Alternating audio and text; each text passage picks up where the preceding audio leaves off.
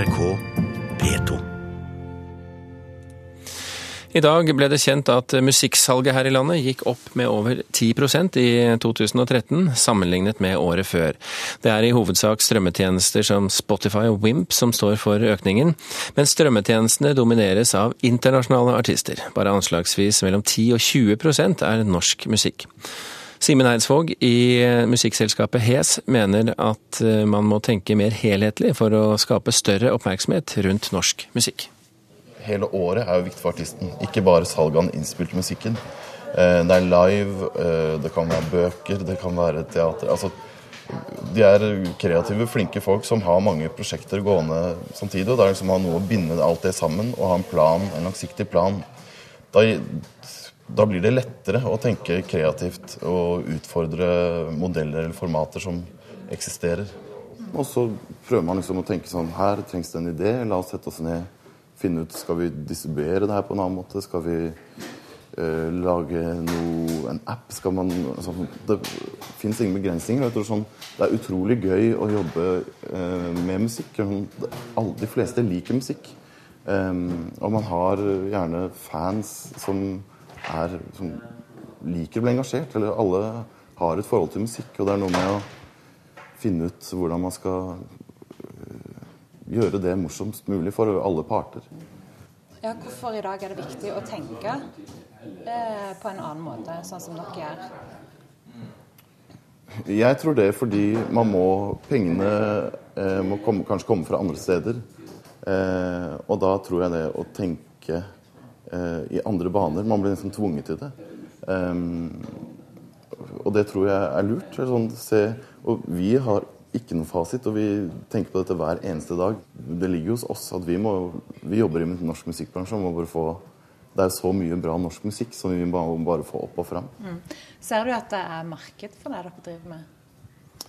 Ja, vi øh, det, Artistene kommer alltid til å trenge oppmerksomhet. Eh, samme hvordan det går eh, med bransjen. Eh, og vi hjelper artistene for å få oppmerksomhet. Ja, Det sa Simen Eidsvåg til reporter Helga Tunheim. En som i større grad har tatt saken i egne hender, det er jazzmusiker Petter Vettere. Velkommen til oss, Vettere. Hei, hei. Takk. Hva er det du har gjort for å ta saken i egne hender?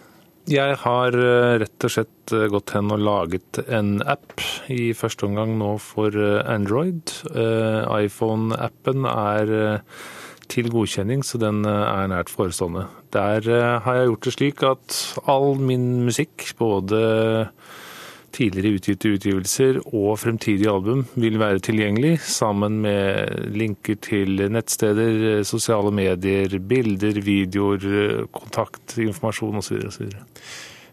Hva venter du å få ut av det? Ingenting, egentlig. Så jeg har forsikret for meg mot å bli skuffa. Nei, jeg gjør det fordi at jeg har tid til å gjøre det. Jeg gjør det fordi at jeg selger ikke CD-er lenger. Ikke fordi at de er dårlige, men fordi at folk kjøper ikke CD-er. Eh, strømmetjenestene de er vel og bra som lytter. Jeg bruker disse daglig, så sånn sett så har jeg ikke noe imot dem. Men som en som skal tjene penger på det, så fungerer ikke det. I hvert fall ikke med dagens betalingsmodell. Så da tenkte jeg at da kan jeg like gjerne lage meg en app. Selv om inntekten er forsvinnende liten per solgt app, så er i hvert fall nyhetens interesse ganske stor rundt det. Og oppmerksomheten jeg får, vil kanskje generere nok eh, salg, for å si det på den måten, til at det vil kompensere for en eventuelt stream. Men øh, hvis vi ser, du er jo en relativt aktiv øh, musiker. Mm. Hvor mye har du tjent på, øh, på at musikken din er tilgjengelig for streamingtjenester? Altså, Jeg har tatt bort all min musikk fra streamingtjenestene, for når dette kom, så var jeg så sint at jeg visste ikke hva jeg skulle gjøre. Så som en reaksjon på de stusslige utbetalingene, så trakk jeg all musikk fra alle strømmetjenester. Og så har jeg rett og slett bare da ikke hatt uh, uh, hva skal jeg si uh, stolthet til å komme tilbake med lua i hånda og be om å få lov til å være med. Så jeg har vært Kommer du til å gjøre det? Nei, ikke nå. Jeg ser ikke noen grunn til det. Nå har jeg på en måte kommet meg over sjokket. Jeg har distribuert musikken min via minnepinner og Dropbox og nettfiler i et par år nå. og jeg er for så vidt fornøyd med det. Selvfølgelig, du kan ikke få musikken på CD, og du kan heller ikke laste det ned i iTunes eller streame det på Spotify, men jeg tvinger heller mitt kundegrunnlag til å følge etter meg, og ikke motsatt. Hvor stor suksess regner du med å ha med dette? Um, altså Suksessen jeg har i dag med å selge musikk på CD og LP, den er jo null. Så det kan jo ikke bli dårligere. Så alt er bedre? Alt er bedre enn uh, dagens situasjon. Samtidig som jeg også er ganske sikker på at uh, jeg er uh, veldig tidlig ute med å lansere en app. Både her hjemme og også internasjonalt. Så nyhetsinteresse rundt det, den er jo ganske stor. Bare det at jeg sitter her og prater med deg om det forteller meg at jeg har gjort noe riktig. Men Betyr det at dette er noe du anbefaler også for dine kolleger i musikkbransjen?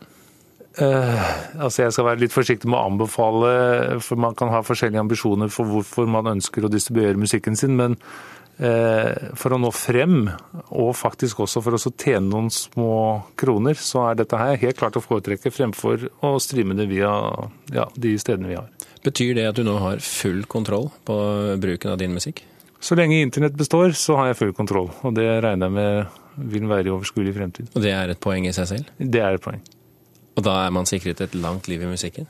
Ja, jeg, jeg vet ikke. Altså, jeg skal være forsiktig med å si at uh, ting ikke forandrer seg, men det er klart uh, Sånn som jeg har gjort det nå, det er en inngangsbillett på sju kroner. Du, kan, du har tilgang på alt jeg foretar meg fra nå og til evigheten.